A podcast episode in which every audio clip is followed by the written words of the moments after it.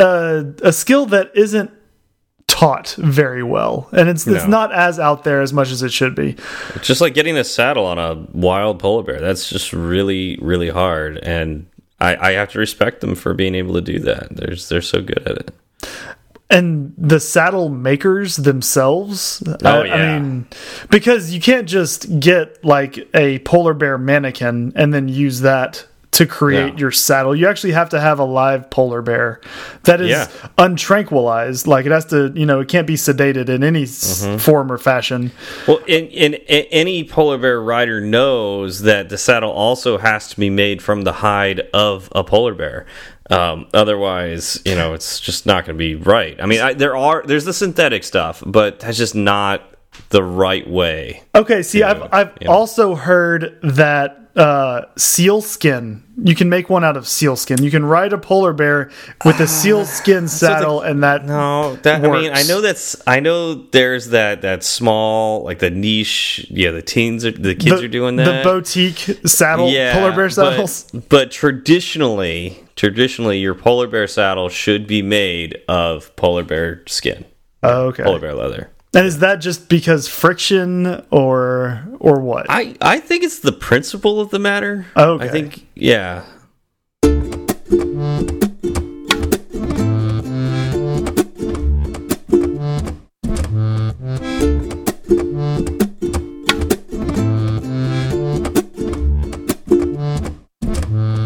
Hi, I'm Steve. and I'm Zach, and this is Fireside Swift. How's it going, Zach? It is going. Like it's, It's going. it's- we're still going, uh, still That's here, good. still doing it. Because we stopped for a while. We did, we did. Tonight feels a little. Uh, it feels interesting being back behind the mic. it's been three weeks since Three. I talked It's to been you. a, a, the three pack. Yeah, that's weird. It's really weird. It's, it's it's strange. It's strange getting back into it. I feel like a completely different person, or that you are a different person, and so by talking to you, it's totally different now. Well, the cloning project that I put into place was highly successful. So now I'm trying to figure out if I'm me or if I'm my clone. Oh man, that would be. So you you remember that there was that one movie where the magician would like kill himself, but then he'd mm-hmm. also make a clone. Would Yeah. that be like like or or actually a better example of this would be Star Trek when uh you know they go through the teleporter. Right, and you think about the science, it's like it's literally killing you, but like creating a perfect coffee on the other side. Right. Yeah, so I think I think you know my it wasn't perfect. In fact, one of my one of my clones came out with a British accent, which was really strange. Oh no! Uh, hopefully, he can stay away far no. enough from the the show. I don't want him coming on. Oh, Jeez, that's that's that'll be difficult for people to understand. Right. Uh, so I'm, I'm nervous about that. Yeah. Other things like that. Yeah. so I don't know. That's that's where we're at today. How about you? Uh, I'm glad to be back stateside. Yeah, that. Uh, yeah, you I took a little trip. Yeah, I did. I fell really, really hard. Uh, bruised my knee, Mm-hmm. um, but uh, got right back up. Uh, and uh, yeah, good to go. You healing up okay? yeah. Good. but uh, Ireland was a blast. Uh, Ireland and, and London was a blast. I know London's not in Ireland, but um, Wait, how much enough. beer? How much Guinness did you drink? not that much Guinness because I This is all could. London now, right? No, because here's the thing: like I can get Guinness here, so I had some Guinness there. how much whiskey did you drink? That's there you go. now you, you're you're saying it right because I figured there- I would get there eventually. There's significantly better whiskey there. I mean, we probably can get good whiskey here too, but it's so expensive. Whereas there, it's like it's not that bad, and you could get really, really great whiskey for decently priced. Uh, right. In in. Ireland, doesn't don't they just like tap a tree to get whiskey? Isn't that how so. it works in Ireland? Yeah, but Yeah. it takes longer. It takes longer. Yeah. Uh, well, I so, mean, like, the so, like, Irish are, are known to be patient. An Irish whiskey takes three years before it can be called whiskey, whereas you know American whiskey, you could pretty much call it that day one. so Oh, Yeah. go figure. yeah, there you go. All right, so before we dive into a, a great topic and follow up and all that, I just uh, want to keep talking about alcohol. We should talk about our sponsor. Okay. Sentry. um, yeah, we uh, Sentry. Sentry is an open source uh, framework that will help you detect crashes in your code. Uh, you can add it to your iOS apps, your Android apps, and your web apps. And uh, you know the thing is, uh, you know when you go away, when you're you're gone for for ten days, and you don't bring a laptop, uh, you don't bring a computer. Uh, you want to feel confident that the updates that you have done prior to going on vacation will work. And how do you gain that confidence? By understanding when crashes happen and knowing you know that you have solved the crashes that have happened in the past and you don't do any major changes before you leave because we all make mistakes right zach of course we do in fact you know liquored up programmers tend to make more than just your average programmer. And uh, you can't when, when you, you can't fault Steve for going to Ireland and drinking the whiskey, but that doesn't mean he won't write code while he's there and think that you know I've got a great idea. Let me just ship this because sometimes you just ship things, especially when you're under the influence of Irish whiskey. Um, now, having a good crash plan in place will help you know when you've kind of maybe had a little too much to drink. Isn't that right, Steve? no, that's not right. oh, what? for the first time in one of our, one of our sponsor reads, you are completely wrong, Zach. I will never write code under the influence of alcohol, especially Irish whiskey. Um, anyways, uh, Sentry's free to start. It's easy to add to your code. Um, uh, but there's a, a slew of premium features that they offer, uh, but those premium features do cost money. If you'd like to use some of those premium features, uh, you can use our promo code Fireside Swift, all one word, Fireside Swift. That'll give you $100 credit on new accounts. And uh, all you got to do is go to Sentry.io to get that credit. And we would like to thank Sentry again for supporting Fireside Swift. So Zach, uh, not not not so no, Zach, no, but no. yeah, not yet, not yet. We're not there yet. We're getting, we're getting there. Don't worry, you'll okay. you'll get that. Uh, anyway, Zach, did did anybody say anything about us while I was away? I'm sure. Well, I'm sure lots of people said lots of things about us while you were away. Um, but are you talking about Twitter specifically? I'm going to say Twitter specifically okay, because yes. I paid almost no attention to it. Um, yeah, uh, I'll, I'm gonna say that. Sure. Yeah. No. Let me let me go ahead and catch you up. Okay. Please these are just these are just yes. some highlights over the past three weeks. Um, let's away. let's start out with Joe Cab, mainly Who? because you know Who whenever whenever we stumble in the show, we always just throw it to Joe Cab and Twitter and let let him do all of the work, right? Like that's this is, this is true. That's always Plan B is get Joe Cab to do all of the work. Yeah. Um, and now I remember a couple of weeks ago, I was struggling to remember what the exact phrase for something was, and he came through, and it was "perfect is the enemy of good," and then he did hashtag Joe Cab knows. That's true, and as soon as he said that, uh, you know that yeah, I did see this tweet because it was right before I left. Uh, and yes, perfect is the enemy of good. Mm -hmm. I mm-hmm. forget what we said. Like mediocrity is the enemy of perfect, or something. Something like, like, like the, the, opposite of what it was. Yeah, yeah. Um. So he also had a response to episode 76. He said, Please stop looking in my head and fishing out the episode topic. I really need to hear most. Thank you. So that was it in regards to episode 76. Well, that means we got to remove all the uh, the the cam, you know, the the video cameras and audio equipment that we have around his house. We can't do that. I know. In the special pillow that we developed and we sent him, so whenever he sleeps, we can record his dreams. I mean, yeah, we have to keep that going. I mean, how do you think we get these ideas for these episodes? And it's not only that; it's been highly entertaining. This is true. I mean, that's it's better than a Netflix subscription. that is my Netflix. All right. Anything else? oh, oh, plenty. Uh, so we heard okay. from Heffertron. He said oh. that uh, I realized episode 32 of Fireside Swift was recorded a year ago, but just listened to the first time and wanted to thank Garrick.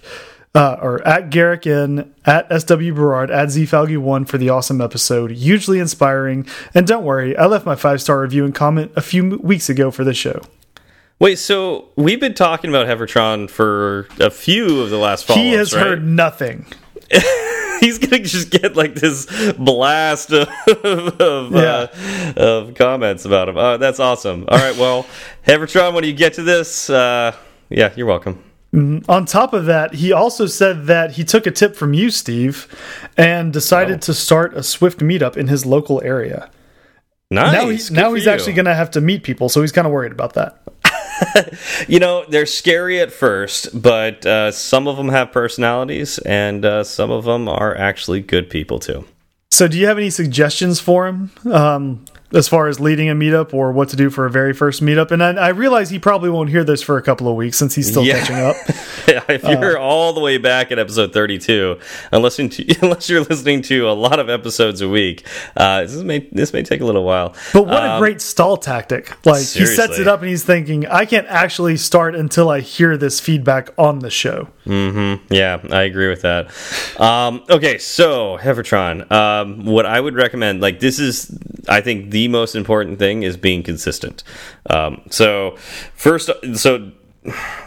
It, well, let me. I guess your very first meetup, you can't be consistent because it's your first meetup. But um, on your first meetup, keep it simple. So something that you know really well. Um, for instance, my first meetup, I used a blog post on how to handle the keyboard. So I'd already written this blog post. I was very familiar with it. And so walking through that blog post, a little tutorial during the meetup, actually was really, really good because I I was already somewhat familiar, so I was fairly confident in the subject. It helped me move through it quickly and answer questions, and it, turned out really, really great. And I also got the like the the adrenaline rush of like, yes, I'm actually like teaching people, and this is really cool, and they're actually learning something from me. Um, if it's something you're unfamiliar with, you might run into one of those cases where somebody asks you a question, you get nervous, and you lock up, and it's easy to do. So again, I, I first ep, or sorry, first meetup, uh, try to keep it simple and uh, something you're familiar with. That that would really help. After that, that's where the consistency comes in. If you're going to have a monthly meetup, do it every month. Regardless of if you have a good topic or not, just do it because it just gets people into that that habit. They know they can count on you. If you start canceling and, you know, shifting the meetup at different times, you, you're just you're not going to have people show up. It's just it's not going to happen.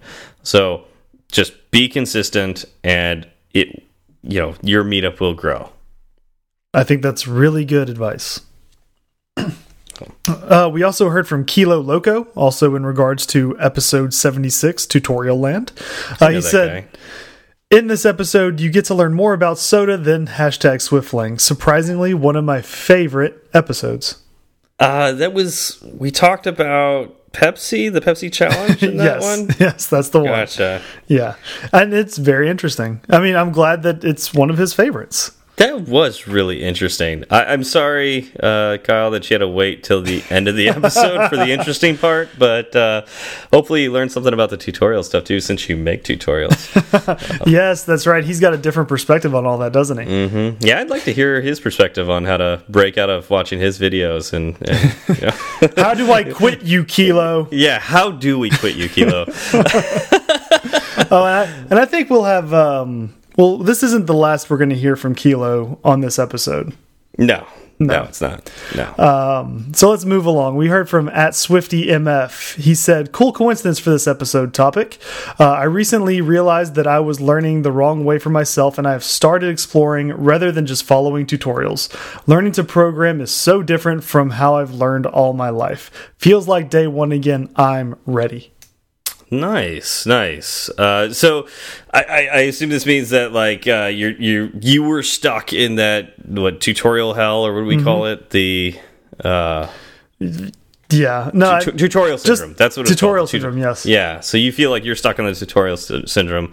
Um, hopefully, uh, yeah. Hopefully, uh, you can uh, you know learn better by exploring more around tutorials and use tutorials as a jumping off point. Yep. Uh, so we also heard from W. Spanfelner. He said, wow. "Great episode and some great advice, even in the outro." Mm, which wait, which episode though? Which which I, outro? Oh this no, this was uh, this was episode seventy six, I believe. And that was the tutorial one, right? So yes. What did yes. we? Was that the? Did we do the? That was the the Pepsi challenge one. That was the Pepsi challenge. Okay, I don't remember what we did with the the one before that. that that's going back weeks and weeks. I I'm, you can't expect me to remember that stuff. Yeah, yeah right. I, I don't remember what I had for dinner tonight. I remember because I just ate it. So Chinese food so, for the win. Oh, delicious! A little a little mm. orange chicken. You little kung uh, pao. Or, orange orange ginger chicken. Oh, yeah, with some hot and sour soup. Well, aren't you fancy? Yeah. yeah, and, and, it wasn't cheap Chinese food. It was Mel's uh, Mel's kitchen. So or sorry, Mel's Mao's kitchen. I was about to say, wait, Mel. Mel's kitchen sounds I like it would be I extremely mean, really, cheap Chinese food. Mao and Mel, yeah, they're friends. or, or is it two two ways to say the same name? I, am not really sure. I've heard it both ways, really. Yeah, Mao's kitchen in, in Venice is really good. I like that place. Not a sponsor. Yeah, not a sponsor, but go there. It's delicious. tell tell them Steve sent you. Yes, yeah, you, will not get the discount. uh, we right. also heard from at Kel Code Stuff. Um, day twelve of hundred days of Swift optionals. A quote from Fireside Swift podcast: "Use the YOLO operator with caution." Hashtag hundred days of Swift. Did we say use the YOLO operator with caution or don't use the YOLO operator at all? because I, you shouldn't. I'm going to say I I believe that you said use it with caution. Uh, maybe I did. I may have uh, also said use it with caution. I'm going to yeah. I'm going to give Kel code stuff the benefit of the doubt because most likely this person has listened to that episode more recently than we actually recorded it. uh, yeah, but we did two episodes on optionals, right? Was this the first episode of optionals, uh, episode two, or or episode that, whatever? That brings up a good point. That yeah. brings up a very good point. We tend to correct ourselves. Yeah. So, anyways, so yeah. is it is quoting us when we're incorrect al allowed? I say it should not be allowed. Uh, uh, and therefore, we can always go back and just rewrite history. I, I, I feel like um, life, just like programming, can be patched. And oh, so, I thought you were going to say needs a crash plan. well, it obviously needs that. That's what insurance is. Um, but you know, you, you, know, it can also be patched and you know updated. So you know, we do bug fixes all the time here at Fireside Swift. Bug um, fixing life. Is that what you're saying? Yeah. Exactly. So Cal, uh, you know, looks like you're a little over uh, ten percent of the way through. Keep it up, and uh, yeah, I hope you get through the the hundred days of Swift. Mm -hmm. Same here. Uh, so we also heard from Anthony underscore iOS dev. When you keep refreshing your podcast Thursday to only realize there is no new Fireside Swift podcast, sad face. Oh, sorry, Anthony. Yeah, we really debated on that. Uh, honestly, like talk about consistency. Like I hate leaving a week that we don't have a podcast out because we know, you know, it, there are people that depend on us now, and yeah, it makes me feel bad. I think depend is a strong depends. Word. Yes, completely depend on us. You're saying yeah. that for the last week heard, there were some people who spent like the entire week on the couch just waiting. I've heard of I've heard of train rides that have gotten very boring because they don't hear us talking. So. That's true. That's yeah. true. I wonder if the uh, impact to GDP to the gross domestic product is it's, is measurable it, when we don't put out a show. Seismic. Oh no. So, anyways, we we did debate, you know, how many episodes we should record before I left for vacation, and we were able to get two in before I left, and I the, the, tricky part was like, if we did another one, would I even have time to edit it before? just put up, road? just put up the raw, raw uh, footage. I mean, that would sound like the first couple episodes, right? So yeah, raw audio. Yeah, let's do it. Not not too bad. uh, so uh, hopefully in the future we won't have many like this. Um, you know, we like to put out episodes every week, as you know, and um, but every so often we need a break too. So um, yeah, thanks for your patience, and mm -hmm. uh, hopefully uh, this episode's uh, you know enough to tie you over for you know the future. Yep, we're here this week.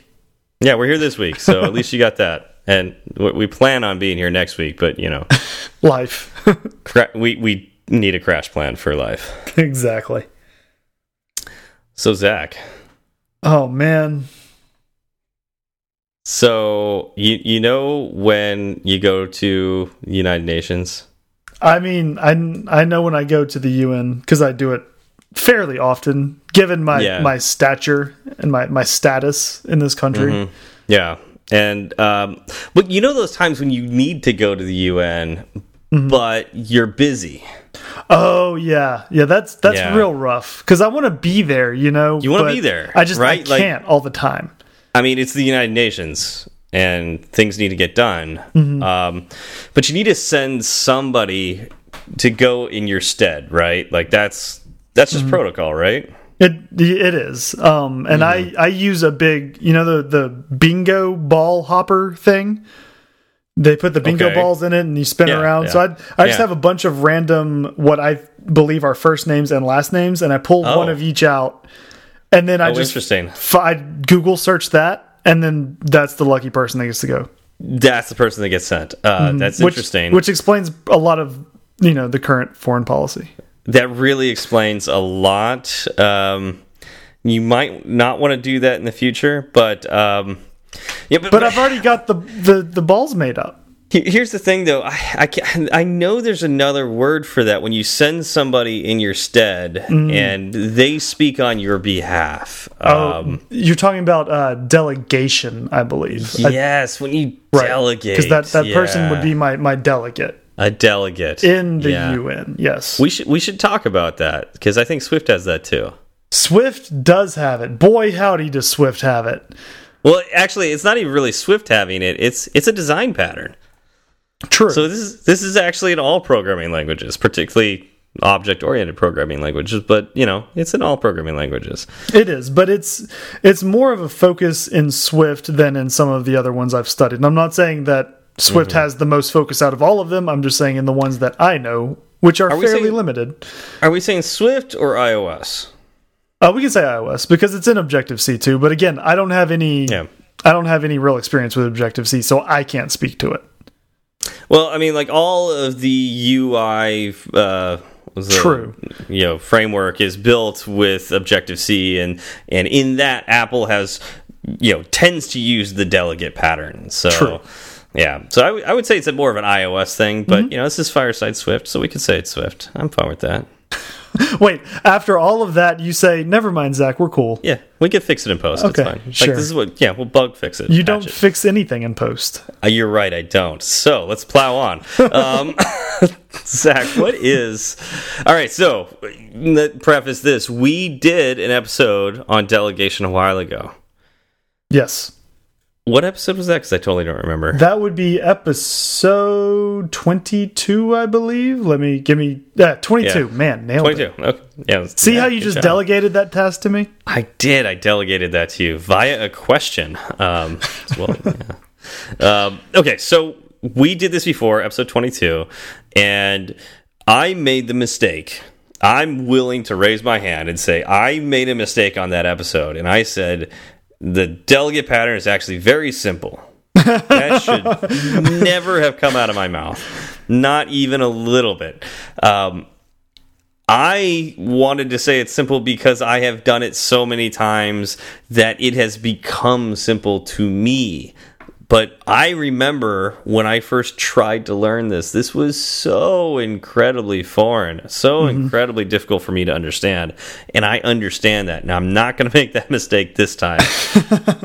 sure. This is, yeah, this is a confusing pattern when you first get started. Uh, yeah. And, and so I, and what I learned in my, you know, the last time we recorded this episode was that I understand delegation, but not well enough to actually speak on it. okay. Which you, do it's one of those things. That way? I feel more comfortable with it now because obviously I've had a year, a year to get better at development in general. Mm -hmm. Um, mm -hmm. Now I I still I still feel a little uncomfortable with it, but that may only be because I know that I didn't feel comfortable with the last time we did this, right? And it's kind of carryover. Yeah. And I, like maybe episode 22 didn't kind of live up to my standards and it's kind of been haunting me. So this is this is a way for me to exercise the delegation demons. Okay. All right. So let's start or, with or okay. they're going to come okay. back twice as bad and um I'll have some strange name and or voice next time we record. That would be very interesting. I, I, I don't. I hope not. I guess, or you, do I? You guess? I mean, it would be interesting. I guess that would be interesting. I mean, it would. Yeah, I mean, I, maybe I'm a little tired of talking to you, so it'd be nice to hear somebody new. I guess. uh, yeah, we'll, we'll see. We'll see. We'll see. Well, hey, let's just take this one step at a time. We'll see how this goes. Okay. Uh, so, let, okay, let's let's start by exercising those demons by Zach. What is delegation? What is the delegation pattern? So you kind of already touched on it, like you said. Design pattern. Uh, you have an instance of a class or structure that can hand off some of its responsibilities to an instance of another type. Um, and so it's kind of uh, it's got a three pronged approach here. You have a delegator, a delegate, and then a protocol. Okay. Um, and we'll get into that a little bit later. Uh, yeah. It's it's a one to one communication pattern, which you know uh, we talked about notifications and observers. Oh, I don't yeah, even those know. Are, those are those when. are potentially one to many communication patterns. This exactly. is one to one. Yeah. Exactly. So you know, use notifications and observers when you want many things to pick up on the fact that something happened in the app or something happened in your code. Uh, use the delegate pattern when you kind of want a more focused approach, like, you know, thing A happened, now I want thing B to happen, not yeah. I want things B through D to happen. Yeah, and it's one object specifically telling another object to do something or that something happened. Mm -hmm. Exactly. Yeah. Okay.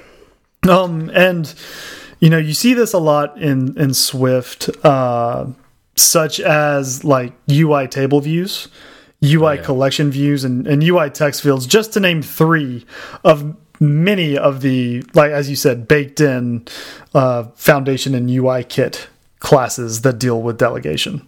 Yeah, and we we've talked. We've had an episode on UI table view. We had an episode on UI collection view. I don't think we've done one on UI text field, have we? I don't think so. Oh, that'd be kind of fun one in the future. So we maybe write that down.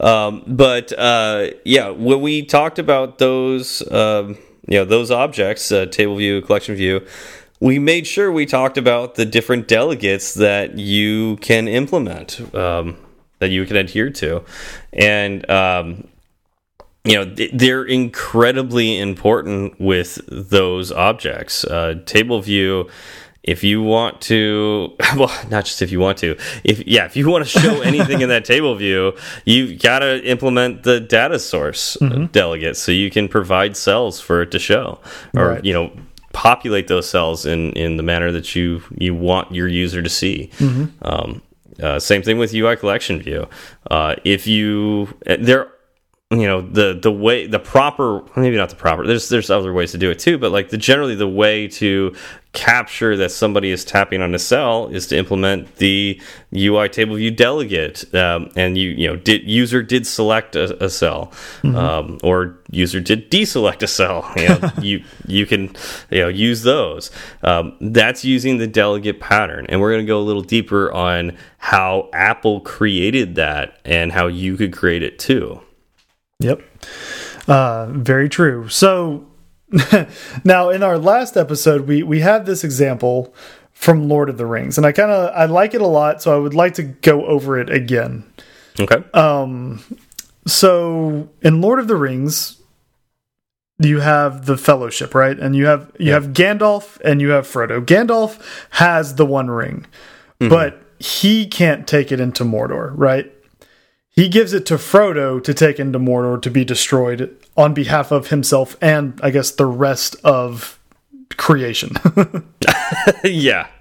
So Gandalf delegates that task to someone that is more capable of completing it, which would be yeah. Frodo. Yeah. Uh, yeah, that's a, that's a good analogy, and uh, I, I guess there's no contract there besides the verbal contract that he says he's going to do it. Yeah, and then there's the whole you know Gimli and my axe. And and, and Legolas and my bow and, and I'm not really sure how that that fits in with the analogy. That's I'm just saying. There's verbal contracts happening. Okay, okay, all right. Yeah. So okay, so so Zach, you mentioned the the three pieces mm -hmm. that we need to follow the delegate pattern. Yes. Um, let's go a little deeper into those. So what what are those in very specifically? Okay, so we said uh, the delegator, the delegate, and the protocol. So okay. the delegator is the instance that hands off the responsibility. So okay. in our analogy, that would be Gandalf. He'd be handing off the responsibility of taking the ring to Frodo. Frodo is the delegate. He is the instance of the halfling class that assumes responsibility. Um, and then this is the part, as you said, is lacking in the analogy, which was the the protocol, and that is uh, the contract by which allows the the delegator and the delegate to function together. That's kind of uh, how they communicate with each other. Yeah, and because we talked about UI table view uh, before, uh, let's you know I'm going to present this you know with that example in mind as well. So in this case, the delegator would be the table view.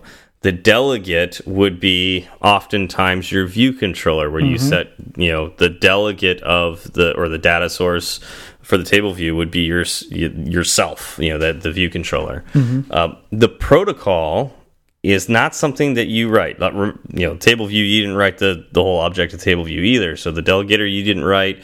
Uh, the protocol, you didn't write. Apple wrote that. And that's literally a Swift protocol that has all the functions that this delegate must uh, implement. Mm -hmm. Now, in Objective C, there was optional. optional functions. Um, in Swift, you do have to implement all of the functions that are in a protocol. Is that true? Yes. Mm, I don't know about that. I can't mm. cite you, but that feels wrong to me. In Objective C, maybe I'm thinking. Maybe I'm thinking functions. of Objective C then. Yeah, and I, I'm trying to think. I don't think they have made, uh, and I could be wrong. I'm, I, I just, oof, gosh, I, I, I always hate when uh, you you know either you do this to me, Zach, or I do this to me, where I, I start second guessing myself. But I'm nigh positive uh, that there you cannot have optional functions in a protocol in Swift. I don't think that was ever added, uh, but that is an Objective C. And I'm I'm so what I'm thinking of may be uh, Objective C protocols that I have adhered to. So that that might be where our disconnect is. And, and another option of this would be like if you have a Swift protocol and you use an extension on that protocol and implement some of those functions, that makes those functions now essentially optional because they have a default functionality to themselves. True. So, so okay, but that that's for our protocol episode. yeah, exactly. That's going a little too deep. Yeah. Okay. Um. So those are those are your three pieces, right? Those are your three pieces. So how how do we implement this ourselves? We you've kind of talked about it from the angle of uh, consuming a lot of the stuff that Apple already has out there. But what if yep. what if I wanted to write code that followed the delegate pattern? How do I do that? Yeah, and let's, I mean, we, we should probably think of an example of why you would ever write this yourself. I know, I'm just going to think way back to when I was learning the delegate pattern. And this is a hyper simple example of it. But imagine um, you have, let's say, a modal, right? So mm -hmm. I've got a view controller, and then I modally present another view controller on top of it. And it's got a button, right? Mm -hmm. And that button needs to tell the view controller that presented it to do something, right? It's right. maybe you got two buttons, so you so you could hit one or the other. All right. So I've got a left button and a right button. Okay. I I, I, how am I going to do that? I, am presenting this view controller, uh, you know, modally, and I, I, I, need to talk to its parent. Now, I could, I could figure that out in the view stack what the parent was, but now I'm specifically telling that you know that that random object you know to do something and the reality is I don't I, am breaking a lot of uh, conventions here, particularly MVC. I'm not following MVC. It's not modular. Um, what if I had a different object that I want to do this with? I, it's not. It, there's no structure if I'm just randomly, you know, creating a function and forcing this to to happen. Mm -hmm. You know, by finding it in the view hierarchy. Um, so uh, what we could do instead is uh, use the delegate pattern to uh, to to transfer knowledge from this modal view controller back to essentially its parent view controller. Um, right. And so, first to do that, we have to start by writing the protocol. Okay. Okay. So, like I said, we've got two buttons. We have a left button and a right button. Okay. And basically, I would probably create a protocol, and I'm going to name it something to the extent of. Um, I don't know, we'll call this modal view controller. So I like to use the uh, the um, convention of modal view controller delegate, but mm -hmm. you know, take name it whatever you want to name your delegate uh, contract. In this case, protocol. Um, so I'm going to call it modal view controller delegate. And then within that protocol, I'm going to have two functions. Uh, user tapped on right button and user tapped on left button. Okay. Okay. And so now anything that's going to be the delegate is going to have to adhere to those two functions because those are two things that could happen when you know this modal is visible on the screen like it, it you know either the user is going to tap on the left button or the right button okay. and i want to send that message to that object that's the delegate okay okay so the next thing I need to do is since I wrote this um, this protocol, one of the things that um, I'm trying to remember why, and i can not think of exactly why, uh, but in general, we we want our delegate to be a reference class, and usually it is a reference class. Mm -hmm. If it if it is a reference class, we want to keep a weak reference to it. Okay. Okay. So so that's going to be or reference object. So that um, that means classes in this case. sure. I'm going to go out and say that. Sure. And we were talking about view controllers and, and you know modal view controller. Those are classes. So they are reference types. Because they're reference types, when I make the protocol, I have to put, you know, right after I name it, I have to do a colon and then a lowercase class on it to specify that that protocol can only be used with classes with reference types. So that's um, modal. What do I call modal view controller modal delegate? View controller, yes. Yep. Colon space class, and I know there's another. Yeah, before you like email us and tweet us up a storm, there is another name for that. I think it's any object. Is that right? That Zach. That sounds correct.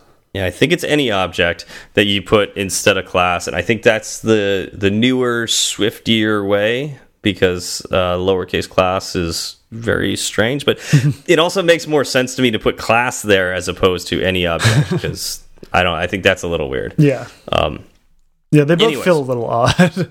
yeah. Okay, so now that we've done that, we've created our protocol. It's got two functions in it. It's it's a, a, reference type only protocol.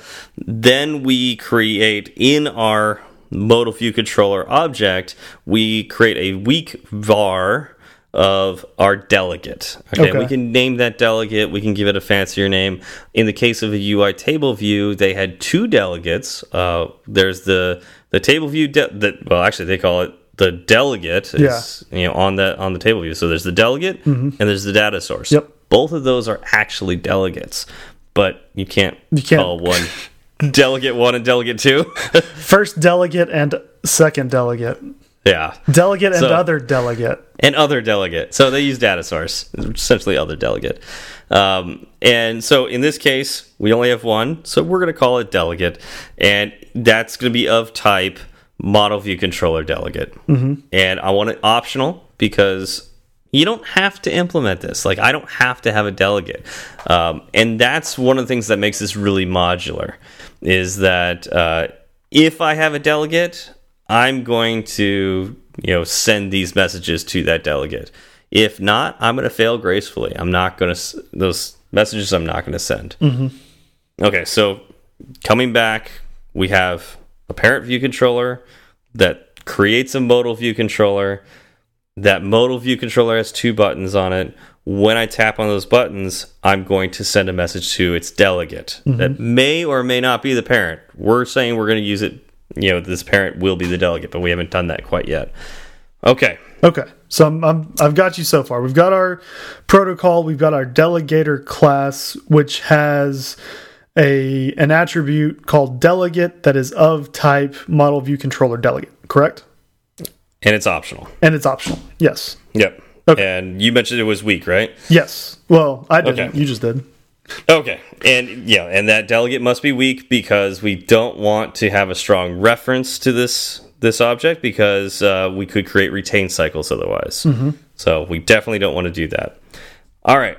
So uh, when we create our model view controller, modal view controller. I was, I was, waiting for that. Was it was bound to happen. So the parent view controller is you know creates an instance of the modal view controller. Mm -hmm. After it does that, uh, once you have a, a reference to that um, instance of the model view or gosh modal view controller, you had to choose something with an MVC acronym, didn't you? Right. You right. just had to. Um, so I'm going to take that instance and call dot delegate is equal to self. Mm -hmm. Okay. So now I've set my parent view controller as the delegate. Now, because I've done that, I'm probably going to get some errors in my code. Yeah, Swift right? won't like that at all. Why? Because you haven't conformed to that protocol yet. Exactly.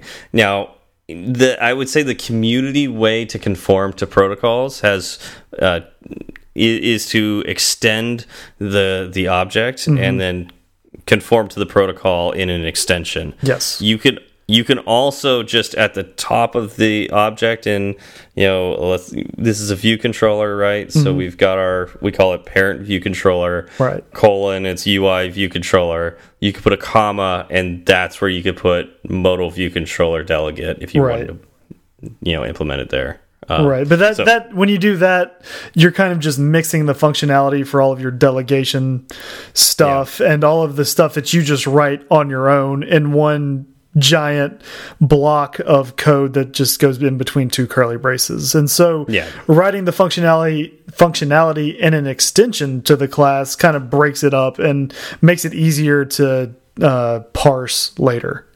Yeah, yeah, and I think that's why the community does it, and I I do it. I I think it looks really nice. Same so here. that's that's why I do that. Yep. All right, and so once we've done that, we have to implement both of those functions because you know the compiler won't let us continue, and we've done that. so we've got user tapped on left button when user tapped on right button within our parent view controller now. Cool. All right, now we've got that. That's great. Mm -hmm now if we go back to this was that your stomach? That was. Apparently i'm hungry. Uh, wow. All right. Well you said you couldn't remember what you ate for dinner maybe so. i didn't eat dinner. Maybe you didn't. Oh man i need to eat some more cookies. We've been we've been as, as a quick or, tangent we've been baking for a, a birthday party uh, and um, uh, i've been eating lots of cookies. So maybe i had cookies for dinner. I don't know. Maybe i had cookies for dinner. Okay yeah. sorry. Going back. Anyways all right. So um, Okay, so our parent view controller has been set up as a delegate of our modal view controller. In our modal view controller now, we've obviously already created some target actions from our buttons. And so within there, we're just going to, you know, if somebody taps on the, the left button in the action that we have, the IB action that we have associated with that button, um, we're just going to call delegate question mark dot user tapped on left button. And then on the right one, we're going to do the same thing. Delegate question mark dot user tapped on right button. And now what that's doing is that's signaling to our delegate that those events occurred. Mm -hmm. And like I said before, the parent view controller has been set up as the delegate. So that's when those two methods will fire in that extension. Yes. And, and And something that I like about this kind of goes back to something I like about protocols is that, you know, say you had a different view controller, but you also wanted it to be a delegate of this modal view controller. Um, it could have different functionality for left button tap and right button tap because you're defining that functionality in the delegate class itself. Yep.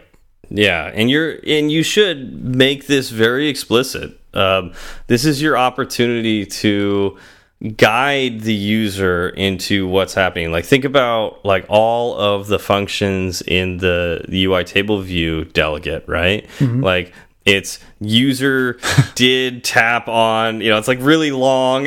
Yeah. like I, I always use autocomplete. I never remember what they are. Um, you couldn't even you couldn't ask me to just write it out. I would right. have to like use pseudocode to like go well user did select something here. That's that's what it's called. Cell for row at yeah. But there's like yeah but it's it's really explicit. It's like this thing happened. Mm -hmm. that's how you want to set up your your methods in uh in your protocol for your delegate. Mm -hmm. okay. And that's it. That's now i can now basically i've taken an object uh, I'm adhering to MVC, which you know Apple likes. You know that's what they how they generally uh, program. Mm -hmm. um, they're the architecture they prefer. Um, we're adhering to those rules. We have maintained separation and modularity with our code, and uh, we are basically sending a message to a child view controller, and that that child view controller. Well, we're not sending a message. Sorry, we're not yeah, sending a message to the was... child. We've created the child, which is important. But the child is then sending messages back to the parent, um, which normally can't be done with MVC uh, without structure. And this is one of the main ways we can do that. Um, and so now I can hit that left button and the parent could maybe dismiss the modal and change the background color or you know do whatever it needs to do because the user tapped on that left button. Mm -hmm. or and then do something completely different if the user tapped on the right button. You know yeah. whatever that happens to be. Spinning star icon is what i'm thinking spinning star right icon. That, yeah that's that, definitely right button material. Yeah that sounds great. Yeah. Confetti you know the whole screen oh, fills everybody confetti. loves yeah. confetti. Yeah. So um, so that's that's basically it. Um, am I missing anything? No, I think you you nailed it, and I actually feel a lot better this time around than I did last time. At this point.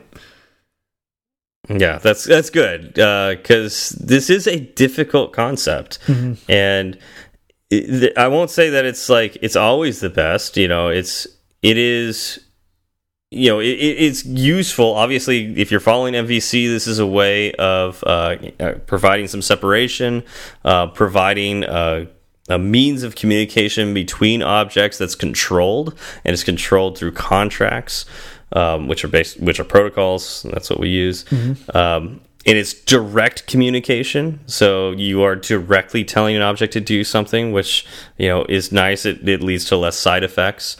Um, but there's some downsides to it too, right? Um, if you forget to make it weak, you can easily create some retain cycles here. Right. Um, you know that's man that's that's probably what i would have done as uh, a beginning programmer is you know create the you know strong references you know, it's like why why can't i just you know provide a strong reference to the parent why not well Eventually, you're going to run out of memory. Eventually, you're going to slow things yeah, down. Yeah, but that won't be for a while. Yeah. Who knows? It depends on what, what you're doing in those view controllers. That's true. That's true. Yeah. um, yeah. So it is, it is only one to one, right? Mm -hmm. And we, we talked about the observer pattern where uh, if I an event occurs, several other things can do stuff. Well, not so with the delegate pattern. Only it's again, it's one to one. It's right. not one to many. And so this leads you to think like, why don't I uh, just always implement the observer pattern? Because if it's one to many, well, many can be one, right? I mean, by definition, no. I'd say by definition, yes. you can you can if it's if it can be observed one to many, it could be one to one. Oh yes, the many you were only saying being one. Many, yes. I will. I so under that heading, yes, I will agree Yeah. with you there. Yeah, so you could just never use the delegate pattern besides the ones that are created for you already and the, those you have to use. But you could instead always implement the observer pattern. But the observer pattern is more complicated. It is, you know, it, it's got more moving parts to it. Uh, It's designed to talk to more things. So um, it could be more overhead than you really need Right. and that's that's what I see with a lot of people who get into RX Swift. Not that this is a bad thing, but because RX Swift is so well, because the observer pattern is so versatile, and RX Swift is basically a bunch of implementations of the observer pattern with thread safety. Um, well, not necessarily thread safety, but like the ability to you know to jump on different threads and and use different threads uh, whenever you want. Um, I see a lot of people just never learning the delegate pattern and just doing the observer pattern. And I think it's important to understand the delegate pattern because there are people who use it and you have to implement it yourself like apple apple likes the delegate pattern Yep. they, they really don't like the observer pattern It's it's true. It's true. Um, now using it is a far cry from actually implementing it. It's true. Um, I think using it is is more straightforward because, and like you said, in the case with the Apple stuff, usually you're just providing functionality in a protocol and assigning whatever class you're in as the delegate of something else. yes. You're not actually saying, you know, this is going to be my delegator, this is the protocol, and then setting up that side of the house. Yeah um, in, you know, the Apple world. But, I think you- I think it's a really good can. I think it's a really Yeah. good place to start, right? Like Yeah. it it it helped me because it kind of compartmentalizes what I need to know as far as the delegate pattern goes. Like, okay, Yeah. I understand how to make a class that is a delegate. Now, how do I make a class that is a delegator? Mm-hmm. Yeah. And I think on your Swift journey, um, this is definitely a stopping point before you get to the observer pattern, which is a more complex pattern. Um, and if you so decide that you really want to use the observer pattern for everything, you can. I would argue that you're using, you know, essentially a howitzer what a, you know, a knife would do. Uh, you need a BB gun. yeah, and and I'm I, again, I'm not going to say the delegate pattern is simple. It's not, but it's definitely simpler than the observer pattern. yeah, I, I agree. So now, Kilo Loco. Well, hold on, hold on. I want to first off, I, I want I want to end with Kilo Loco. That's how I want to Okay. I want to close it out. So I want to go over real quick some of the differences that are uh, apparent between Objective C and Swift when it comes to delegation. Okay, okay, I'm good with that. And part of this We'll is come back. because We'll come back. We'll come back to you, Kilo. and, and it'll be like it's going to be five minutes. Just wait, Kilo. Just just keep those AirPods in, buddy. We're going to get to you. Uh, so Swift allows delegation to be used by classes, structs, and enums, whereas Objective C limits it to classes. Um, and now this is something that we disagreed on earlier, and if I had just read ahead in the notes, I would have found my answer. So Objective C allows for optional protocol functions, which is what you said. Uh, yeah, if you try to write an optional protocol function in Swift, you have to mark it as at Obj C, and it can only be used by classes. So we were kind of both there. Like you can do it in Swift, but you only do it in Swift by kind of opening it up to Objective C. gotcha. I forgot about that. yeah, and I mean you were correct in that you know Objective C is the only place where you can really have optional protocol functions. Swift just kind of bends the rules a little bit. Gotcha. And I didn't realize there was a fairly easy way to create optional functions within Swift by just adding the Objective C uh, marker, or I don't know what that's really called when you say obje add objective because it's not really a keyword. Yeah, whatever whatever that's called. Yeah. Same. Yeah. All right, now Yeah. light into Kilo Loco. Actually, that's a that's an at. So would that be a mention? So that Oh, if you yeah. mention Objective C, you know, direct, you know, direct mention uh, in your code. Don't at me. Yeah, yeah. Don't add Objective C, or do do add Objective C. I mean, if if that's want what do you want, yeah. Yeah. Okay. Anyways, Kilo Loco.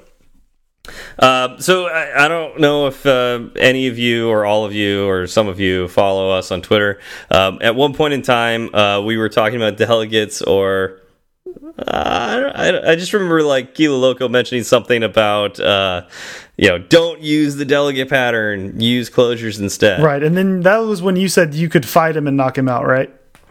Uh, I think you No, put you, those words in you my mouth. definitely said that, fairly certain you put those. in and we can probably I- set up the pay per view. Uh, let's please please not.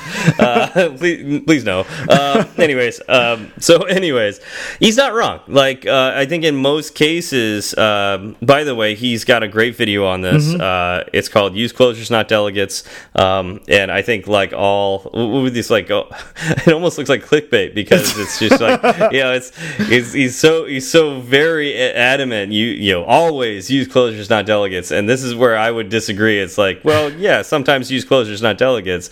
Um and you know it's not always you know there are cases where delegates are better. Uh, and let's talk about that a little bit. But uh, in most cases very simple delegates you know oftentimes you create one function with your protocol. And it's this delegate has one one function. Yeah. You- Speaking you of overkill, yeah, exactly. you don't need the whole delegate pattern uh, boilerplate to do this. Now, what uh, what Kyle's doing with uh, the closures is essentially he is following the delegate pattern. It's just removing all of the boilerplate Right. and just allowing for that one function to be used. right? You don't And have so- to worry about protocols or anything like that. You just say this is the function that I want to happen in this in this class when something This that happens. yeah when something else Yeah. happens. Yeah. Yeah, and I, and I, we're not going to rehash the entire video. You know, definitely go on YouTube and check him out. He definitely, you know, we, we support him 100. percent So Mm-hmm. definitely want more viewers on him. He's he's got some great videos. Check him out. Yep. We'll have the Um, link to that video in the show notes as well. Yeah, we'll have the link in the in the show notes. Um, but uh, you know, so if you're making really simple delegates all the time, this is a way to clean up your code. It looks really nice. It makes things very simple, and you won't have to, uh, you know, create complex. You know, remember all the things we talked about in this episode to do one delegate.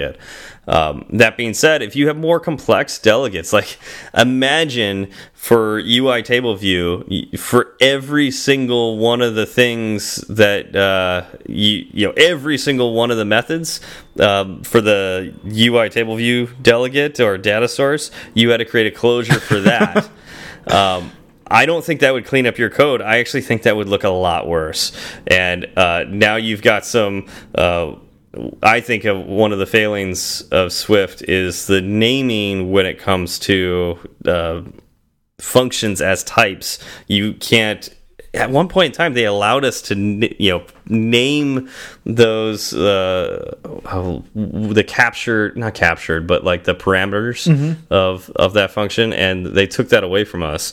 And so now it's like all I know is there's a, a string that goes into this, or you know, it's a it's two strings and an int. Yeah, that's What- descriptive what do enough, those isn't mean? it? yeah, what do those mean? yeah, so that would be a case where you don't want to use this this method because it's it's confusing. You know, it, can be confusing.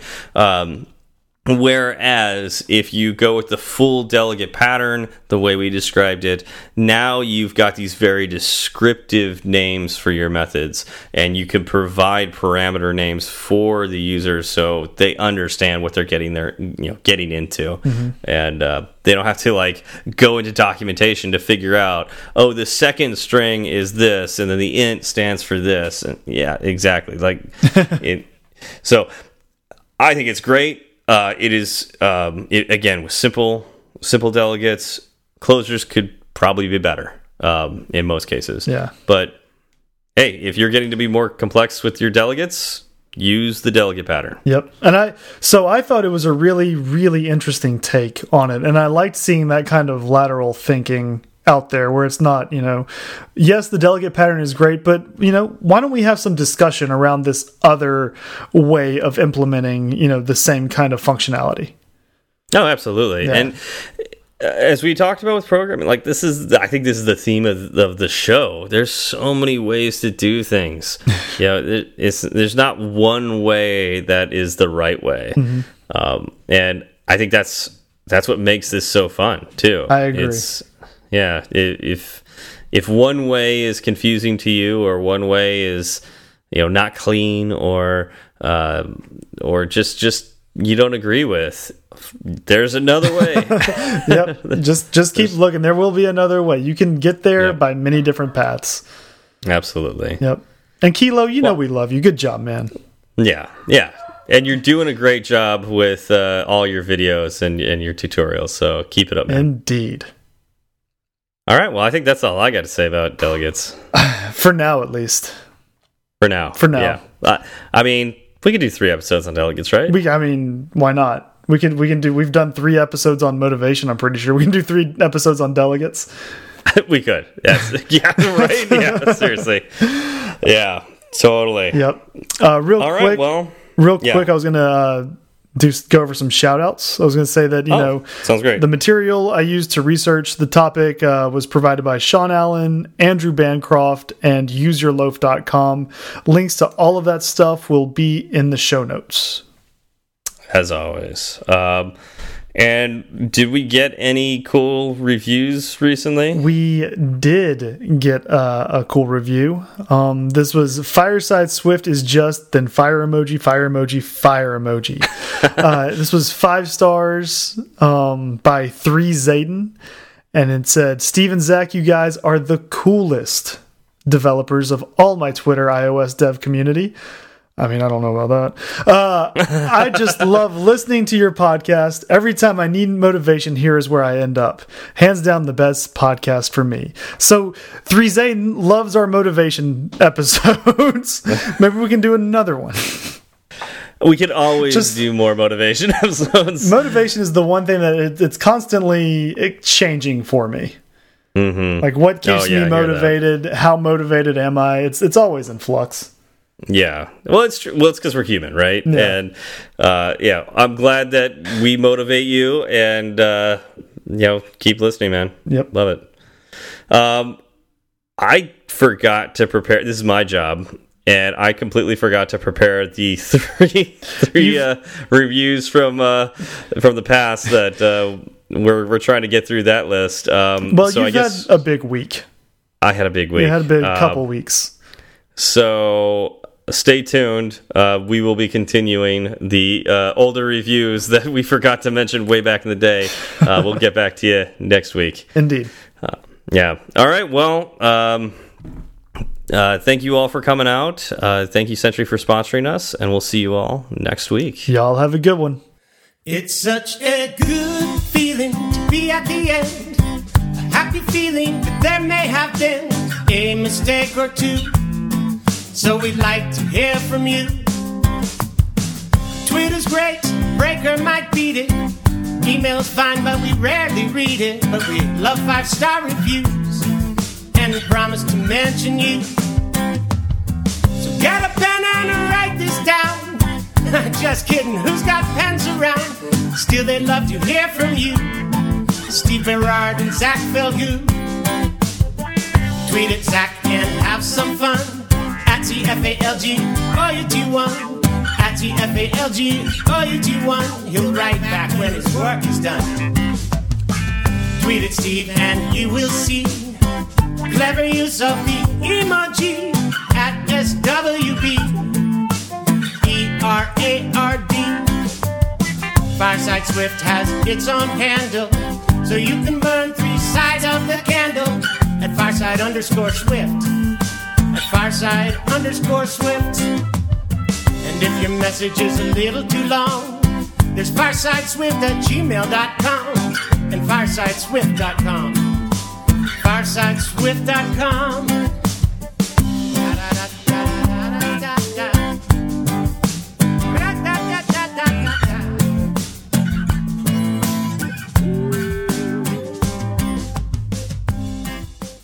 All right, so we should probably uh, talk about my trip a little.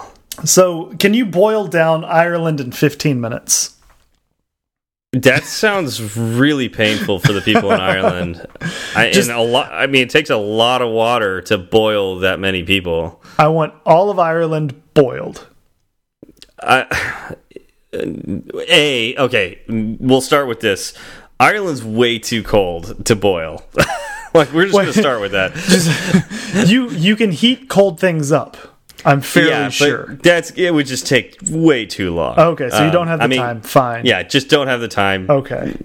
Don't have the energy. To, in Plus- all reality, Plus leprechauns. plus leprechauns. Mm-hmm. Uh, yeah, although it does help that they're all wearing sweaters, we might get to a boiling point faster. Um, so, uh, actually, going into the trip, like we thought we were going to get rain. I mean, it is Ireland, so we were expecting cloudy weather, fog, rain. Like that's just Ireland, right? Like that's what mm-hmm. we were expecting, and. My goodness, did we get good weather? Oh, nice. I mean, it didn't rain. I, I think it did. We got a few drops one day while we were walking, but it wasn't even enough to like need a jacket at all or anything like that. It was like sprinkling. Like the rest, so I'm there for 10 days, not a single bad day of weather. Um, it was fantastic. That being said, Ireland is still way colder than home. Well, yeah, you live in California, and I mean, I live in Texas, so I would probably feel the same way. Yeah, and it was chilly. Um, I, uh, especially like so on day two, we went to the the cliffs of is it Moher Moher Moher? I don't know. One thing I do know about Ireland is they they have they'll have a name for something. It'll be like five letters long, but you only pronounce two of them, and the B's all sound like R's for some reason. Murr. Cliffs of Murr. Yeah. So we went there and um, we get out of the car and we're walking towards like the visitor center and leading to the like the where you know where you can hike along the edges. And uh, as soon as we get out of the car and start walking, and I'm layered, like I had read about how cold Ireland can be, and so I'm like wearing jeans, and then I'm wearing a t-shirt, and on top of the t-shirt I have a sweater. On top of the sweater I have a jacket, and so like I'm like you know all layered up and, and ready to go but i didn't have a hat. And we're walking and it's it's pretty windy already. Like in the parking lot it's it's windy. And as we get closer and closer to the visitor center not even towards the cliff edge yet i'm like oh my goodness I- need something on my ears. My ears are going to freeze off because it's just like this cold wind just constantly blowing, uh, you know. and and uh, as we're walking by the like by the visitor center, there's these little shops, and you can see like these beanies out front. and we're like, Forty-seven dollars. yeah, it's like it is. Yeah, it's day two, like or really day one because we had gotten there the. So we got there that the first day, and then like this would be the day after. So we got one night's sleep. Um, and so it's like I'm thinking, should I buy a souvenir like right away? And I'm thinking like this isn't really a souvenir. This is like something I just forgot to bring. This is survival at this Yeah. point. and I'm like, it, and I'm also thinking like you. It's like this is gonna be too expensive. Like I can't buy a beanie here, right? right. but I'm like, But you, You don't have what, a, you don't have a lot of options at that point. yeah, with my friends, and I'm like, should we go buy hats right now? And we're walking by it, walking by it. It's just, it's the wind is not abating, and it's just like, yeah, I'm gonna go over there and buy a hat. Yeah. and that's what I did. Like immediately went and bought a hat. It was only like 15 euros, so it wasn't too bad. Um, but that was the best 15 euro I think I spent the entire trip. There you go. Um, I, as soon as I put that beanie on and went out, it was like night and day. It was so much better. I don't know. There's no way I could have done the the hiking that we did that day without that beanie. I really, um, I want, I want the word tourist to be just like emblazoned across the front of that beanie. It had a shamrock on it, or has a shamrock on it. I still have it, so I guess that means tourist, right? And Yeah, pretty tourist much. Uh, so That's, that's the stamp. That's yeah, how they pretty know. much. yeah. Um, no, but I mean the cliffs were gorgeous. We we probably walked eight miles that day, uh, just along the cliffs because it was so beautiful.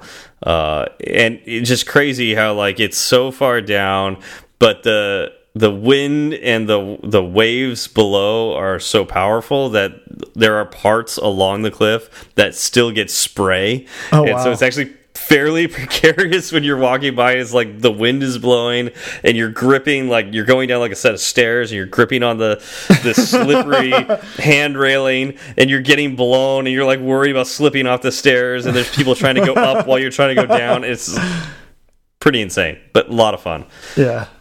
uh, let's see here. Uh, some other highlights. Um, in Cork, went to the Jameson distillery.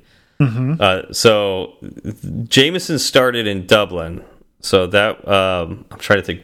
I don't remember exactly. Oh, Mill Street. I think it's Mill Street is where the original distillery is. But um, if I can remember the story, it was like uh, World War II really did a number on the Irish whiskey companies, and so they were all basically going out of business, including Jameson. If they had kept being separate entities, they just they would have there would be no Irish whiskey right now. And uh, what they did is they formed, I think it's called Irish Whiskey Co. I could be wrong on that, but I think it was Irish Whiskey Co. And Nice and to the point. nice and to the point. What do you think they make there, though? Uh, Beanies for tourists. I want to say it's Corks because it's in Cork. Okay. It's just a bunch of corks. yeah, actually, it's, it's Midleton, uh, which is, uh, I guess, in Cork or near Cork. I'm not really sure. Um, somebody can correct me on that uh, too. Um, but uh, it's uh, yeah. So they all moved to Midleton, the Middleton distillery there, and um, so there's several brands. Um, it's uh, oh gosh, okay. So Jameson, Powers, Redbreast. Um, is it Midleton? I think it's Midleton. Very rare was one that we tried there. Um, well, I don't remember what it's like. Yellow spot, red spot, and green spot. I don't remember what the actual name of that company is. um, but uh, yeah, so it's like these. well, how, these many, how much did you drink before they introduced you to yellow spot, red spot, green spot? Uh, Because by, by that time, it's perfectly fine for you not to Yeah. remember anything. exactly. I'm starting to forget, re- yeah, forget after that point. Uh, there was there's also a new brand that they had there that was pretty cool. Um, can't think of the name right now. Oh, Methods of Madness. That one sounded pretty cool, uh, but that was like a newer one. Um, so, anyways, um, those are all there uh, at, at- for Irish Whiskey Co. And so we got to go on this uh, uh, back, you know, behind the scenes historical uh, tour where we had a tour guide walk us through. It was like, I think it was like a two hour long tour. It was actually really cool. Um, and we got to see like the old facilities that they used back in the day and learned a lot about whiskey making, which is really awesome. And we did some whiskey tasting. Uh, the first uh, first one they had us try was the Redbreast 12 year. And then the second one was, um, oh, uh, what? Uh, oh, I can't think. Coop, it was like Cooper something. Uh, I can't think of it right now, but um, I'm surprised you remember this much personally. yeah. And then the last one was the Midleton Very Rare, and um, and they're all fantastic. Uh, the first one was like your standard super smooth Irish whiskey, like just just like think Jameson, but like smoother and uh, just a little bit uh, little spicier, but not too much more. Um, very very smooth. Like I could just drink that all day. It's fantastic. Uh, okay. Yep, yep. Think about that. Um, and then uh, the second one, uh, oh, gosh, Cooper something. I, I can't think of what it was called, but um, that one uh, was actually distilled, so the or aged, not distilled, aged in wine casks instead of bourbon barrels. So it was like wine barrels, like, uh, and so it was actually um, that whiskey was actually lighter. It was like more flowery, and actually had a little bit. Uh, it was definitely sweeter, and uh, was really, of course, very smooth. Um, but uh, again, like more of a like floral flavor to it. It was kind of neat. Um, and then the last one, the very rare, um, I, I think that was like a. Uh, I could be wrong, but I, I want to say it was like a 20 year age or something, maybe 22. Mm -hmm. um, and that one because it had so much time to age in the barrel um, had definitely more of a spicy flavor to it and some of my friends didn't like that but I really liked it. It you know had a nice kick to it and um, very very nice. Not as smooth, definitely not as smooth as like your typical Jameson or um, the Redbreast that we had earlier, um, or even the the Cooper one. Um, and the Cooper one was a Jameson. It was like a type of Jameson, but gosh, I've really well, it's killing me. I can't think of the name right now. Um, It'll um, come to you eventually. It'll you, come you, to me. Or you just have to go back to Ireland and drink all the whiskey again. I think I'm going to have to do that. Different um, order this time. Come on, yeah. different order. Yeah. Uh, so, of course, I had to buy a couple bottles there. Uh, so, I bought like a 12 year Jameson uh, that uh, was uh, exclusive to that particular distillery. Um, so that was kind of neat. So I've got I've got that on my shelf right now. Uh, try, tried a little bit of that. It's great. Uh, and then I did this totally a tourist trap. I totally understand this is a tourist trap, but I did the bottle your own of the Jameson Black Barrel.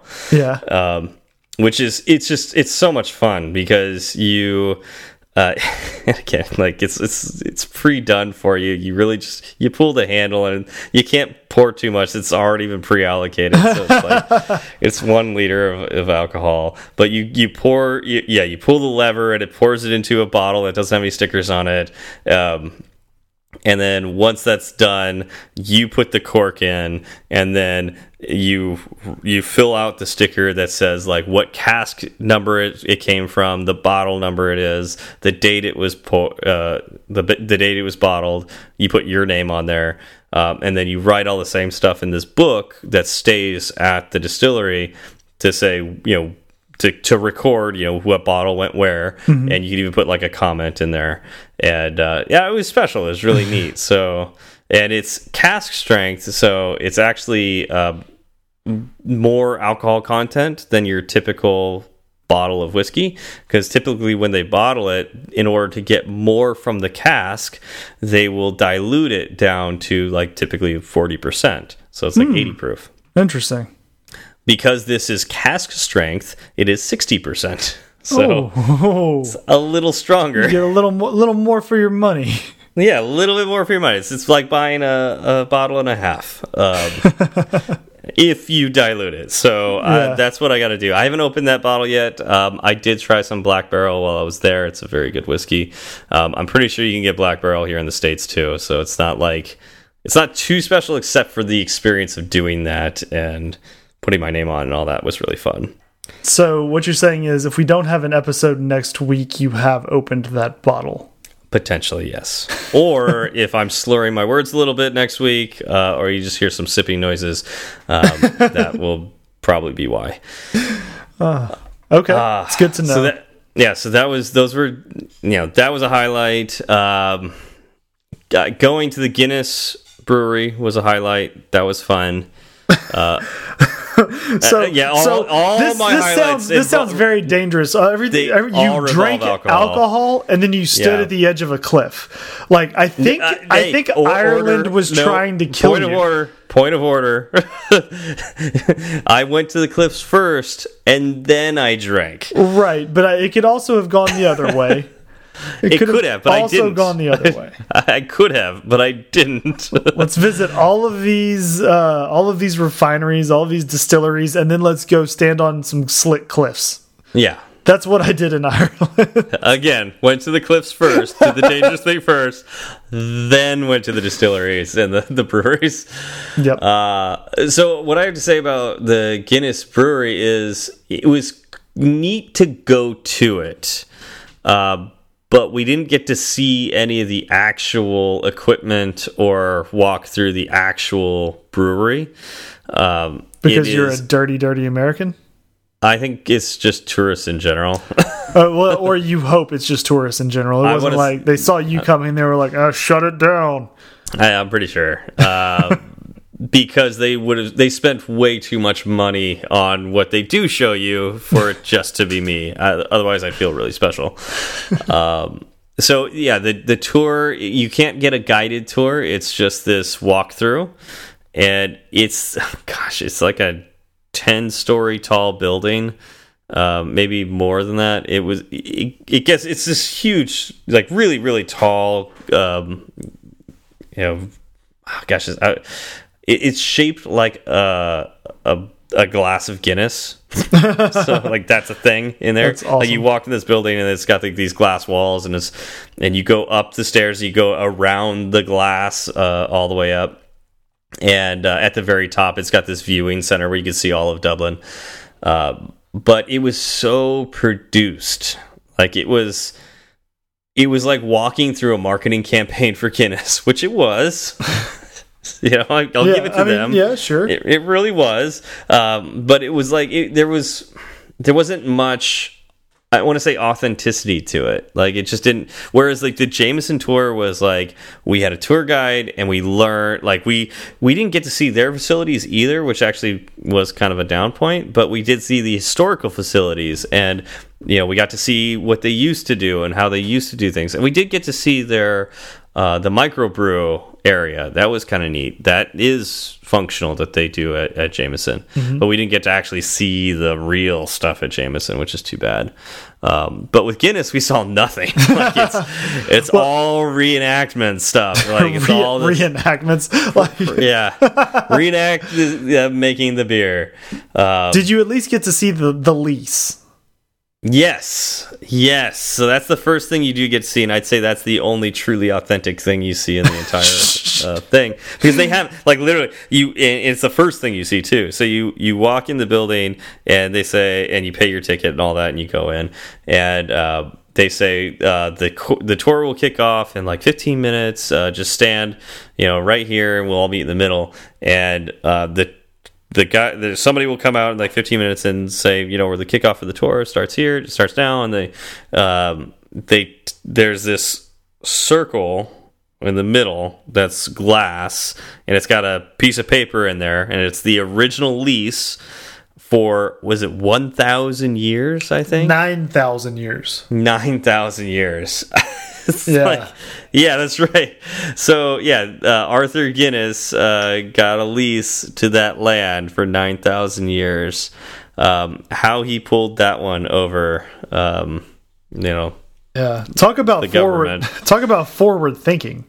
Yeah, or, or yeah, either that, I mean, or just like really believing in your company. like, right? Not only is this going to outlive me, it's going to outlive a lot of you know descendants.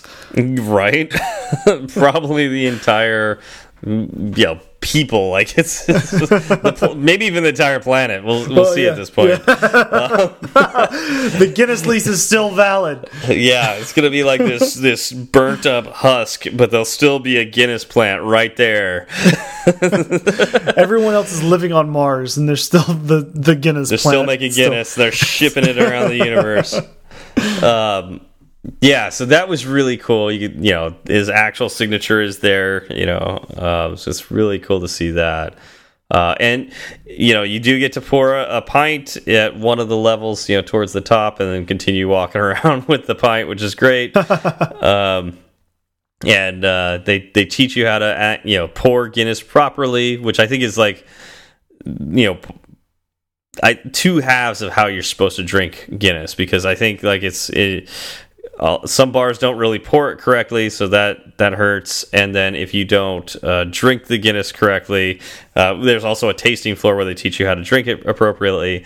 Um, you know that helps with, and I think why people say that Guinness tastes much better in Dublin than it does any anywhere else, mm -hmm. um, because to me it tasted like any old Guinness. Like it didn't taste any different. It still tasted good. I like Guinness. So right. it wasn't like, oh, Guinness tastes bad in America, but then it tastes good in Dublin. It's like, no, Guinness tastes good anywhere. It's just, you know, now it's like one of the things that I didn't think about was they, they teach you like don't just sip Guinness. Like you're just gonna taste the head.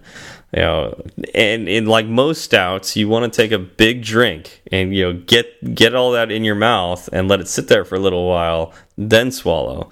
Um, that's how you get those those great flavors that you know get all over your your tongue. So uh, the chocolates and the vanillas and Guinness is such a I would say very mild stout. Mm -hmm. it, it, has a very very mild flavor. Uh, so you you have to do that in order to actually get any tasting notes from it, in my opinion. Because to me, Guinness, some like if you drink Guinness fast, it tastes like water. Like there's no, no almost no flavor to it. Yeah. Um, but uh, yeah, I appreciated the tell them telling me to slow down. it taste, tasted much better because of that. So I think if it's poured correctly and you drink it slower, uh, you're going to enjoy your Guinness a lot more. Okay, that's a helpful tip. Yeah. So that was fun. Um, and I'd say uh, the third highlight was fantastic. Uh, and it had to do with London. But I think it's best if we talk about that more next week than this week. Ooh, I like it. Let's let's yeah. leave end on a cliffhanger. Yeah, I'm gonna leave it there. Um, okay, so your London trip we'll go over next week. We'll talk about London next week because I mean there, we did a whole lot of other stuff in London, which is pretty cool. But uh, excellent. Yeah. Well, I can't wait to hear it. Yeah, I, I had a blast, uh, and I I came back refreshed. Um, you know, it's everybody needs a break, right? Indeed. Ding. That's for that's for Mr. McSwift face.